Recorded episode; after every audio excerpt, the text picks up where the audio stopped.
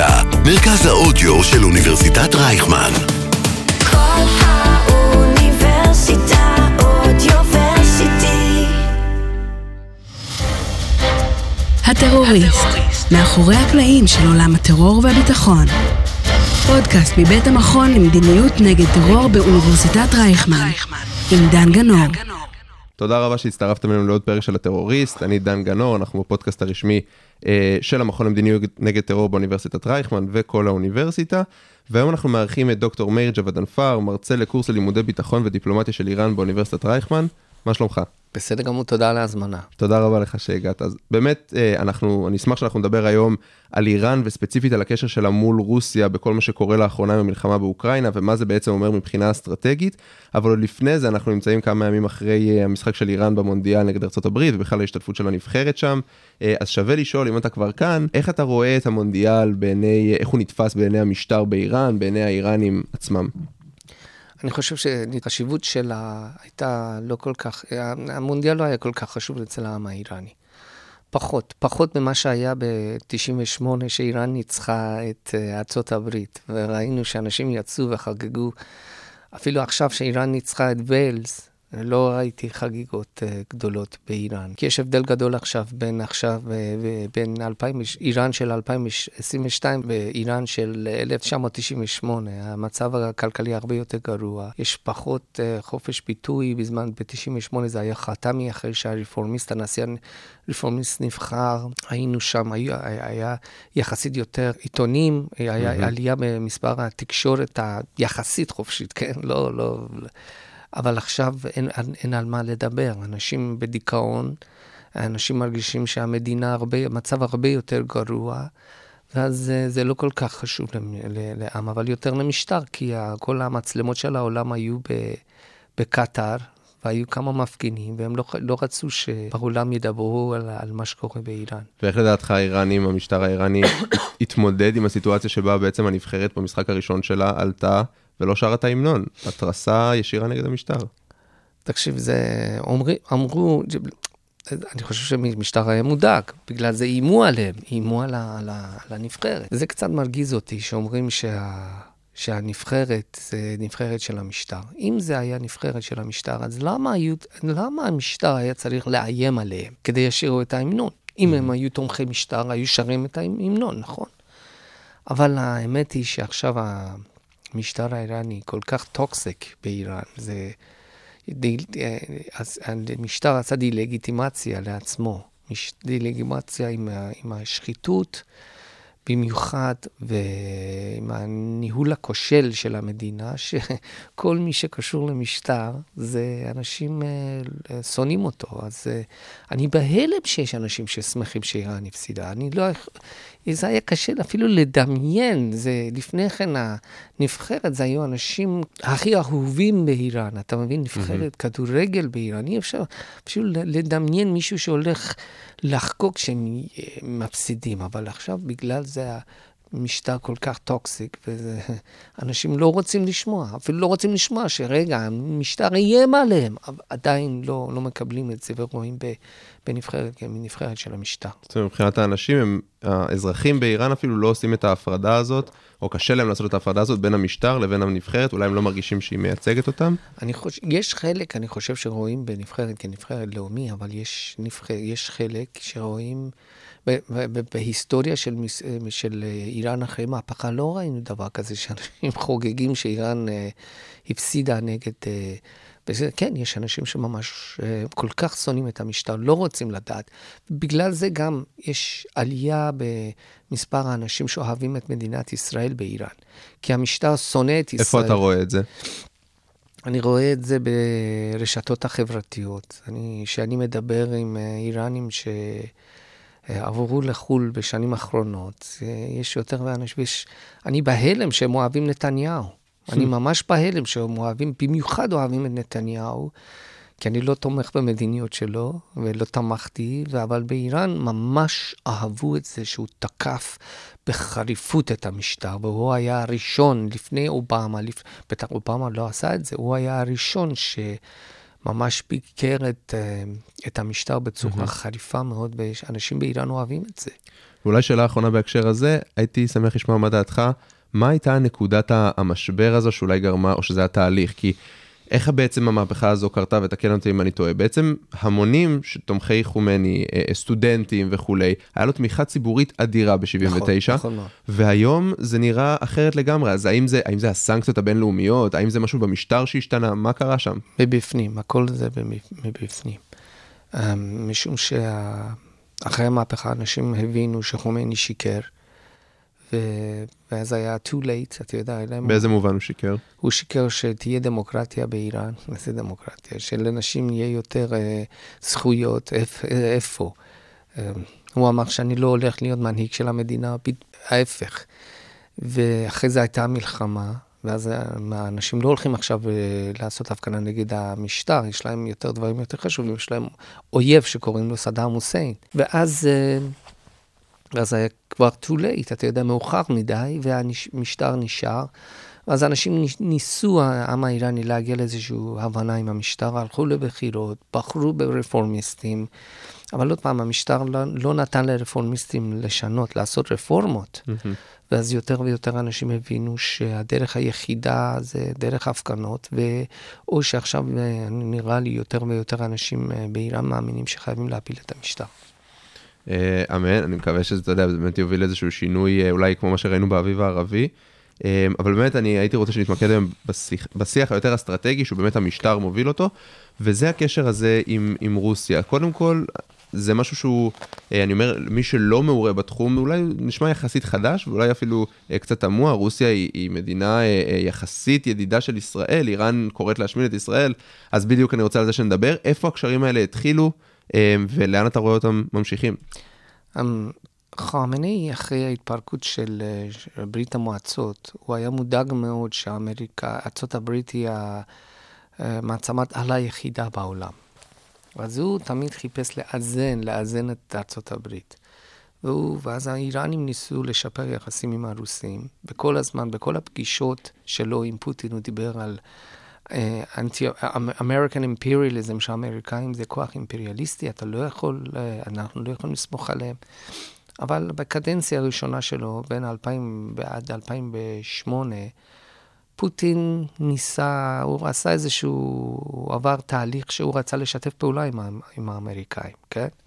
בסוף הוא ביקר את ארצות הברית בנאום המפורסם שלו במיוניך, שהוא אמר שהאמריקאים רוצים, עושים מה שהם רוצים, כן. לא רוצים לשתף פעולה. אבל ב-2008 נבחר מדוודב, ומדוודב היה חבר טוב של אובמה, והאיראנים היו ממש מודאגים.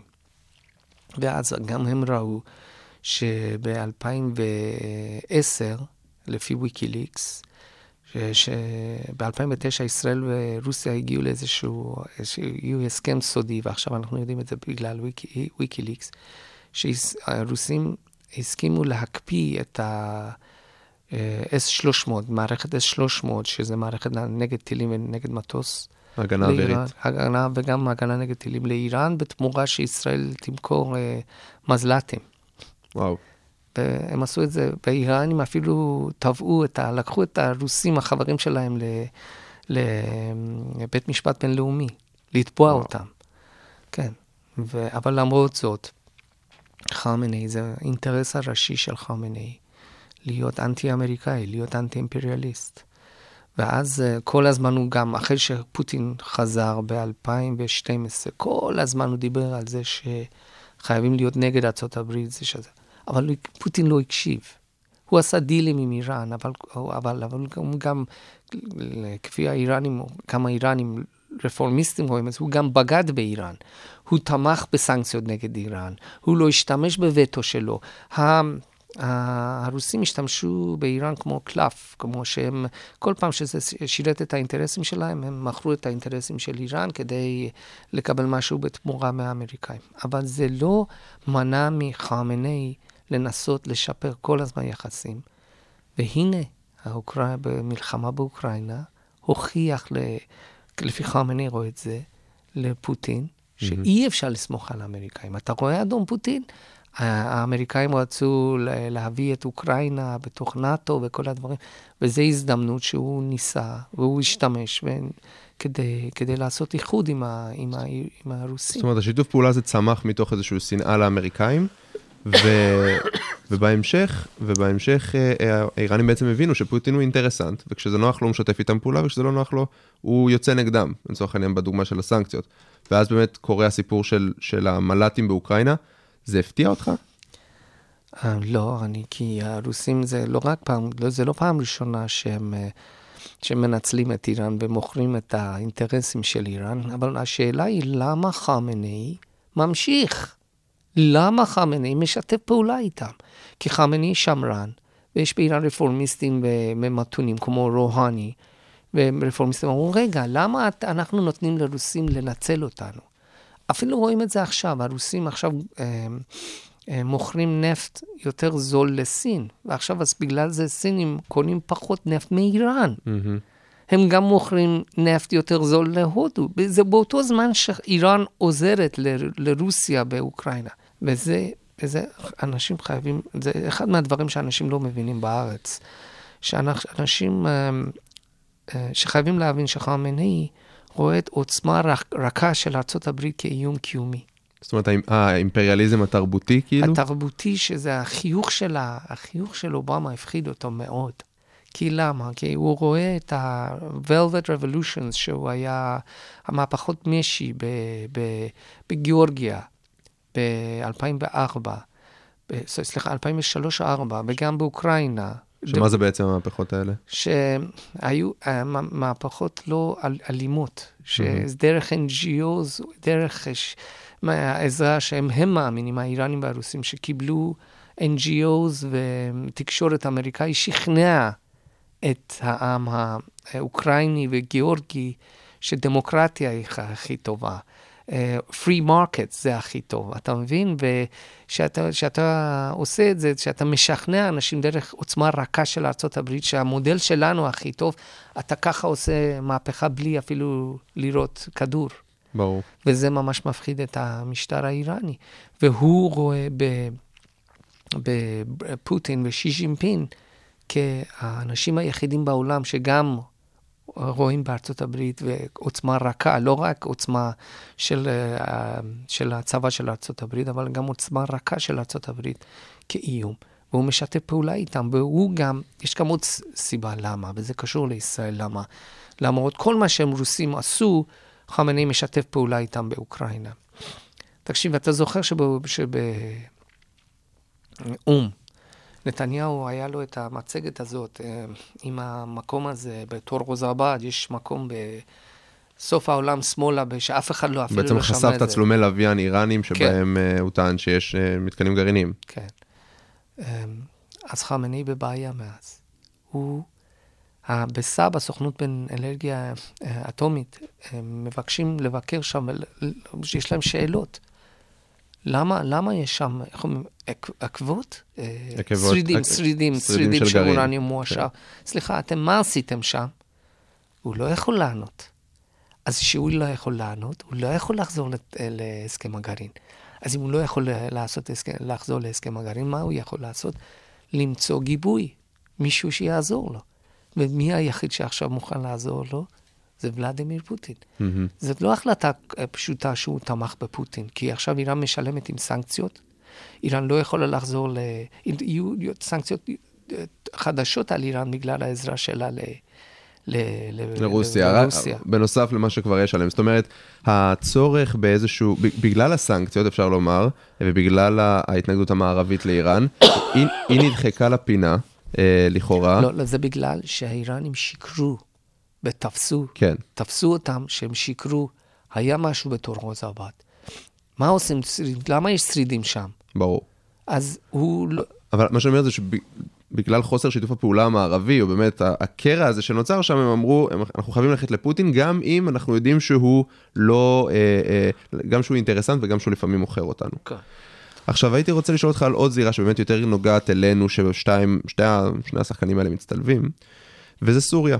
זאת אומרת, אנחנו מ-2011, מלחמת האזרחים בסוריה, אנחנו רואים עם השנים גם נוכחות של הרוסים ושל האיראנים, ובהקשר הישראלי זה מאוד רלוונטי על פי דיווחים זרים, התקיפות בסוריה וכולי, גם לא רק דיווחים זרים. ו- ובמובן מסוים היה נראה שטוב לישראל שרוסיה ואיראן באיזשהם מאבקי כוחות בתוך סוריה. כן. איך אתה זיהית את המערכה הזאת? זה עוד סיבה למה אנשים מופתעים שחמאני שיתף פעולה עם, עם פוטין, שהיא- כי לפי מקורות זרים, ישראל מפציצה את, אה, את אה, סוריה ומשתפת, יש, אה, יש קו אדום בין, בין תל אביב ומוסקבה, או ב, לא, בח- בחמיים, בבסיס של רוסים, חממים, ב- ומשתפים פעולה, ושהמטוסים ישראלים מגיעים לשמיים לסוריה, הרוסים לא עושים כלום, ובינתיים, לפי מקורות זרים, ישראל הרגה מאות, לא יודע, כמה איראנים.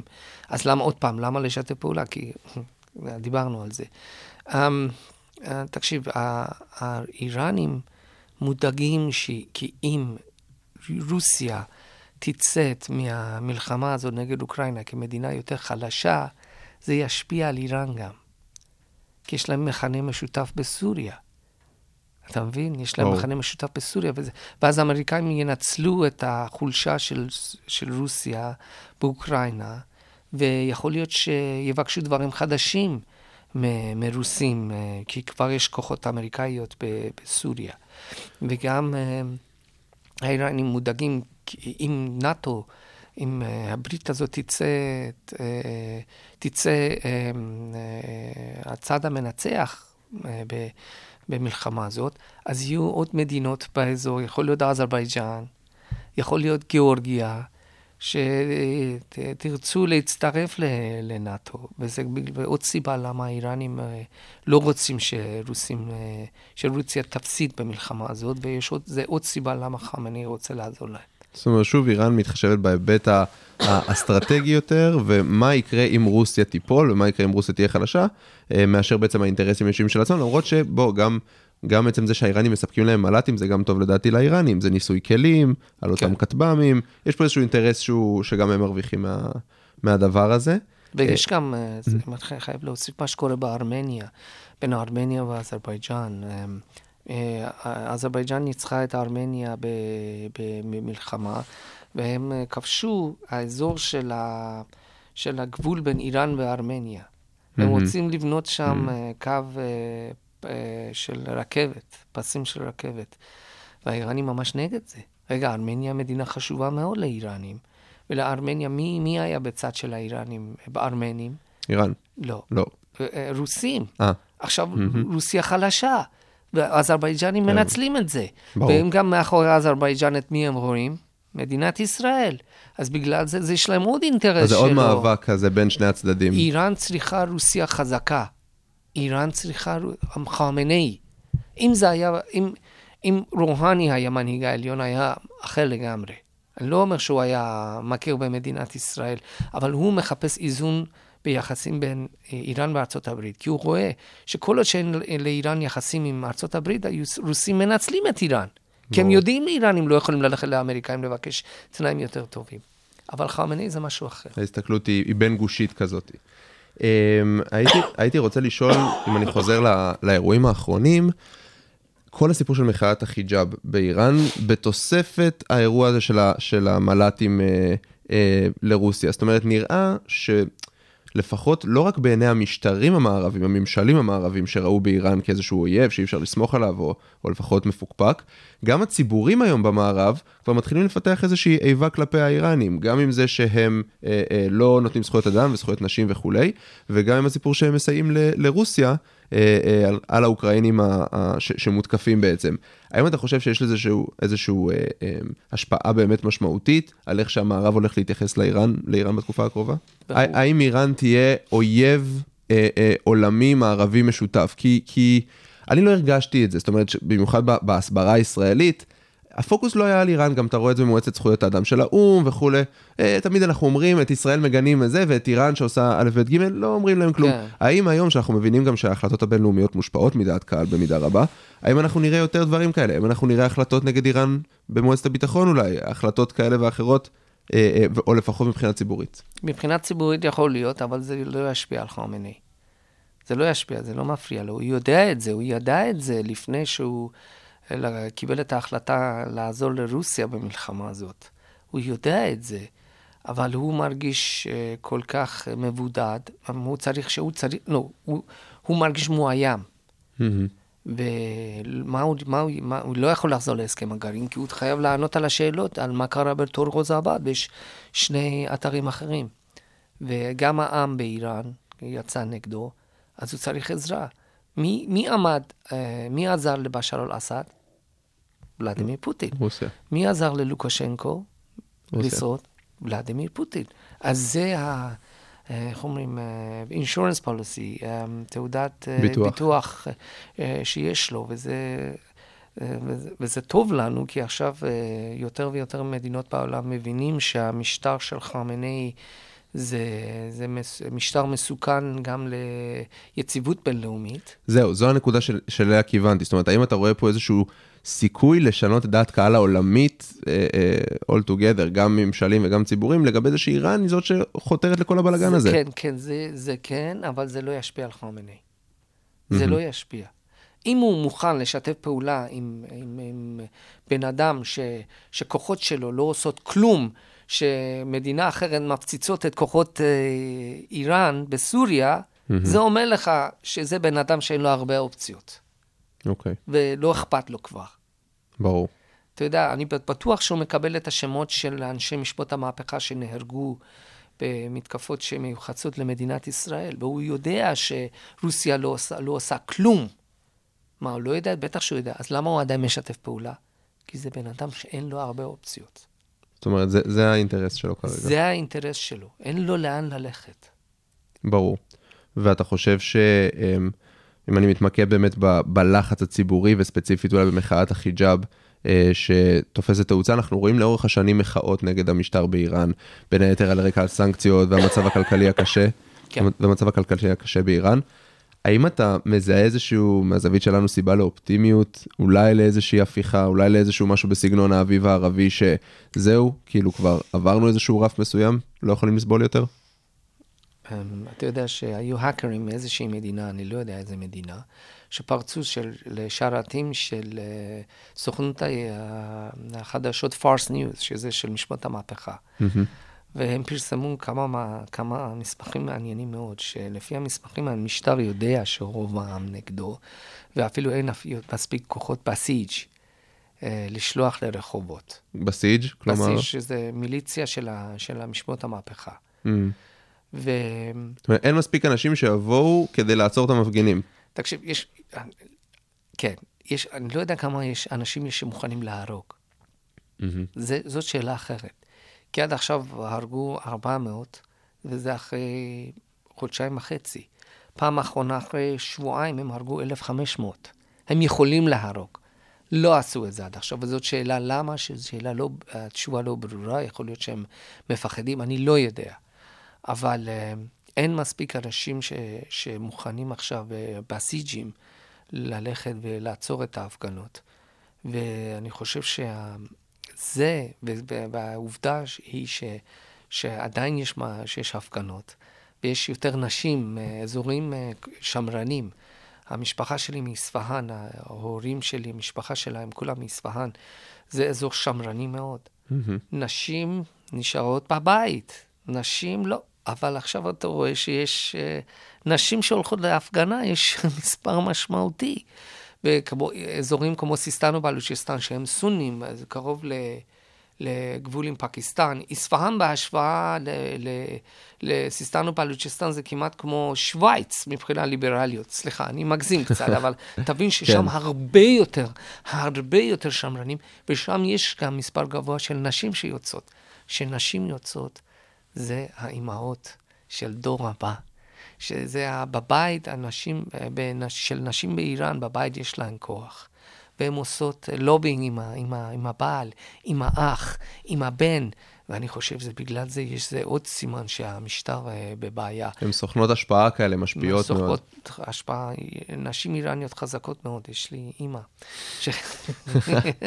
אז אה, זה גם מראה, אה, אני לא יכול להגיד לך מתי תהיה מהפכה, אבל אה, חמינאי, נראה לי שהוא מפחד להרוג בינתיים, וזה מראה לנו שהוא מבין שהוא מבין ש, שזה יחמיר את הבעיות שלו. אז באמת מעניין אותי, זאת אומרת, מנקודת מבט של חמינאי, אתה יודע, אני אולי לא, עוד, עוד לא דיקטטור אה, פנאט דתי, אבל אני אומר, אה, אבל אני אומר, תשמע, הציבור שלי באמת על סף רתיחה. בוא קצת נרגיע אותו, בוא נזרים, לא, בוא נזרים כספים, במקום לתרום אותם לחיזבאללה ולחם, ולג'יהאד האיסלאמי הפלסטיני וכולי, ולארגוני הטרור, ולבנות את ה... בוא לפחות קצת נשקיע, כי הרי יש, הם מחזקים את ארגוני אין, הטרור כן, האלה. אין הרבה כסף. אין הרבה כסף. משהו אפשר במקום להשקיע אותו בטילים, לך תשקיע אותו באוכל ותשתיות לאנשים שלך, אפילו מהזווית האינטרסנטית שלך, רק שיירגעו קצת. אני, האמת היא שאני לא יודע אם הם אה, מעבירים באותם אה, סכומים להיזבאללה או לחמאס. השאלה הכי טובה, זה, אני חייב לחזור לזה, אין, הוא, הוא צריך שיסירו את הסנקציות נגד איראן, אבל הוא לא יכול, כי חייב לענות על השאלות מה קרה בתור גוזאבד. אתה לא חושב שאם האמריקאים, אם האמריקאים ירצו הסכם, הם יסלחו לו על שתי השאלות האלה? לא, לא. לא, לא, לא. הוא לא רוצה לענות. לא רוצה לענות. והוא חושב שאם תהיה מלחמה, פוטין יעזור לו. אני לא יודע איך הוא חושב ככה. אבל אין לו הרבה אופשנס. ובהקשר הזה של... אה, ואז בגלל זה אנחנו יכולים להגיד שמודיעין ישראלי ניצח את איראנים. כי המידע הזאת על טורקוזאבד זה ממש תקע סכין בגלגלים של, ה, של המשטר. אז בהקשר הזה מעניין אותי לשמוע למה אתה לא מסכים עם המדיניות של נתניהו לגבי הגרעין האיראני. לא, כי בסוף, איך? לא, כי בסוף זה נשמע כאילו הסנקציות עושות את שלהן, הן דוחקות את חמינאי לפינה, או הן מערערות את היציבות אה, אה, באיראן ואולי מקרבות איזושהי הפיכה. אז אה, האם, האם נתניהו וטראמפ צדקו בעצם בזה שצריך ללכת all the way עם הסנקציות, או שהסכם הוא דווקא טוב? תקשיב, אני חושב שהסכם דווקא טוב, אבל מי שעזר לנתניהו, ולא ציפיתי שהוא יעזור להם, זה חמינאי. מה הכוונה? חמינאי, טראמפ ונתניהו אחראים על זה ש... שאין הסכם. Mm-hmm. אבל הייתה, הייתה, הייתה אפשרות לחזור להסכם, אחרי שביידן נבחר. וזה חמינאי שלא הסכים לחזור להסכם. כי, כי אחרי, ש... אחרי מותו של, חיסולו של פחרי זאדה, הוא... אחי זה היה ראש התוכנית, ראש, כן. המדען הראשי בעצם של תוכנית הגרעין זה היה. שוק, זה היה פשוט, זה היה פשוט שוק, זה לא האמנתי. כי אפילו לא, לא ידענו איך הוא נראה. התמונה היחידה שלו, שאחרי שכל ה... כל ה... שמוסד הוציא את כל המסמכים האלה, ראינו תמונה אחת, שוואו, כי אף אחד לא ידע איך הוא נראה אפילו. אמ, אחרי זה חמינאי עשה כמה דברים שעלה את הרמה של העשרת אורניום ל-20 אחוז, וזה עשה את זה הרבה יותר קשה לביידן לחזור להסכם הגרעין. וזה בגללו, וזה בגללו. בהתחלה של ה... אחרי שנבחר ביידן, האמריקאים היו מוכנים לחזור להסכם הגרעין, אבל בדרגים, אתה יודע, step by step. ח'אמנאי אמר לא, וזה בגללו. אני חושב ש... תקשיב, אה, אה, לא, לא ציפיתי שחמני יעזור לנתניהו ו, ופוטין ככה. אבל מקולות אחרים שאני שמעתי, זאת אומרת, זה מצב די נוח לחמינאי. הוא אומר, אה, אה, הוא בעצם מעכב את התהליך הזה של הסכם הגרעין. בינתיים הוא מעשיר את האורניום, הוא מפתח את הבליסטיקה, את, בעצם את הילאות הדרושה, כדי לב... ואז אולי הוא יחזור לאיזשהו שיח על הסכם שהוא כבר ממש. too late. אדוני חמני, בלי תורו זבד, זה הדרך, אתה יודע שהיינו ילדים באיראן. שדיברו על המלחמה. בין עיראק, אמרו הדרך לירושלים עוברת אה, דרך קרבלה, שחייבים לשחרר את עיראק מסדאם חוסיין, קודם, ואז נגיע ל...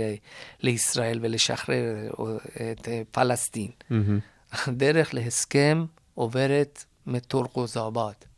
כל עוד שאנחנו לא יודעים מה קרה, למה יש שרידים שם, חמני לא, יחזור, לא יכול לחזור, ואני חושב ואני מקווה שהיועצים שה, שלו, כי היועצים שלו עכשיו לא טובים. אני שומע את הדברים שהם אומרים, דברים הזויים. כמו מה? כמו ש... ש... יש אחד, סייד מוחמד מרנדי, שהוא מופיע בתקשורת. הוא אמר לפני כן שיהיה, there will be a cold winter, שלא יהיה מספיק גז בנפט, ואז אה, אז האמריקאים חייבים לקבל את התנאים, דרישות של איראן. בהסכם- איזה cold winter, אתה מבין? הם מאמינים שישראל או ארה"ב לא תתקוף. הם טועים. הם טועים. אני חס וחלילה, אני לא רוצה מלחמה. אנשים לא רוצים מלחמה, אבל איך איראן, המשטר האיראני, מתקדם, תהיה מלחמה, והרוסים לא יעזרו להם. הרוסים לא יעזרו להם. יכול להיות שאני צריך להגיד את זה בפרסית, אני לא יודע. אני- אבל יש- תנסה, אולי הם מקשיבים לא, לנו. לא, לא, אבל אני בטוח, אני בטוח שיש אנשים באיראן שאומרים לו את זה, אבל. זה לא, זה, הם יפציצו, ואתה יודע מה? אם אנשים היו מוכנים, אם הם חגגו שאיראן הפסידה נגד ארצות, ארצות הברית, יהיו אנשים שיחגגו אם, אם מדינת ישראל או ארצות הברית אה, תפציץ את התוכנית הגרעינית של איראן. אני לא מאמין שאני אומר את המילים האלה. אני לא מאמין. אני לא הייתי מאמין ש- לפני עשר שנים שדבר כזה זה, זה יקרה. אבל המשטר, אנשים כל כך שונאים את המשטר. תקשיב, זה התוכנית הגרעינית, מה התועלת לעם האיראני? אפילו מישהו שאל אותם? אתה יודע כמה גנבו ב- מהתוכנית הזאת? לאן הלך הכסף? כמה השקיעו? אנשים, וזה, וזה, וחמני חושב שדרך התוכנית הגרעינית הזאת הוא יכול לייצר הרתעה נגד ישראל, או, או, או עם הטילים. הוא טועה. הוא טועה. עוד פעם, חס וחלילה, אני לא רוצה מלחמה, אבל אני רואה שהוא עושה, איך אומרים, miscalculation גדול כן. מאוד. הוא לא מבין. הוא, הוא לא מבין את את ההידרדרות שיכולה להיות, הוא לא מבין את ה- את זה שהרוסים אולי לא יהיו איתו, הוא לא מבין את ההקשר היותר רחב. הרוסים לא מוכנים ללכת למל- למלחמה נגד מדינת ישראל בסוריה. כן. אם יעזרו לו בגלל כן. התוכנית הגרעינית. אתה יודע, אני למדתי באמת פה בקורס על זה שלשיעים ולאיראנים, אה, כתוצאה מכך, יש אה, איזושהי תפיסה של, אה, אתה יודע, כולם נגדנו. וקצת אולי דומה ליהודי, ליהודי הנרדף, יש כאלה שהשוו את זה. אגב, גם הרוסים הם נודעים בגישה הזאת. ואז הוא אומר, אתה יודע, אם אין אני לי מי לי, אני, אה, אני מול כל העולם. ואז זה יכול להיות... אתה יודע מה, יכול להיות שגם חמינאי חושב ש... שזה לא יהיה נגד אינטרסים של רוסיה אם לאיראן תהיה נשק גרעיני. לפני כן זה היה נגד אינטרסים של רוסיה. אבל עכשיו אם תהיה נשק גרעיני לאיראן, זה כמו התועלת לנשק גרעיני של צפון קוריאה לסין. מה התועלת? מהי התועלת? ש... שזה מסיט כוחות של ארה"ב במזרח הרחוק, מסין לצפון קוריאה. ואם מישהו רוצה להגיע לאיזשהו הסכם עם צפון קוריאה, חייב לדבר עם הסינים. זה יהיה אותו דבר אם לאיראן תהיה נשק גרעיני. קודם כל, כל, זה ייקח, זה מסיט תשומת לב של ארה"ב למזרח התיכון במקום רוסיה באוקראינה, נכון? דבר ראשון.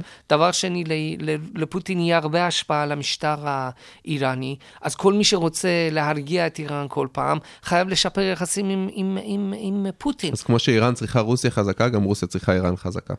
אחרי אוקראינה, יש, השתנה. יש מפה חדשה של גיאופוליטיקה. והתועלת שיש לצפון קוריאה גרעינית לסין, עכשיו תהיה אותה, נראה לי אותה תועלת ל, ל, לרוסיה אם תיר, איראן תהיה גרעינית. וזלנסקי דיבר על זה. זלנסקי דיבר על זה שיכול להיות שהרוסים יעזרו לאיראן, ואני חושב שזה לא, it's not impossible, חייבים לקחת את זה בחשבון. ברור. אבל דבר עם דימה אדמסקי, הוא המומחה ל- לרוסיה. will do, דוקטור אה, מאיר ג'בדנפר, מרצה לקורס לימודי ביטחון ודיפלומטיה של איראן, כאן אצלנו באוניברסיטת רייכמן, תודה רבה שהצטרפת אלינו. בשמחה, תודה על ההזמנה. תודה רבה שהצטרפתם לעוד פרק של הטרוריסט, איתי בצוות ניר ג'רסי, רוני ריכטר ושובל בן יאיר. את הפרקים שלנו תוכלו למצוא בספוטיפיי, באפל פודקאסט ובאתר קול האוניברסיטה. תודה רבה שהצטרפתם אלינו, נתראה בפעם הבאה.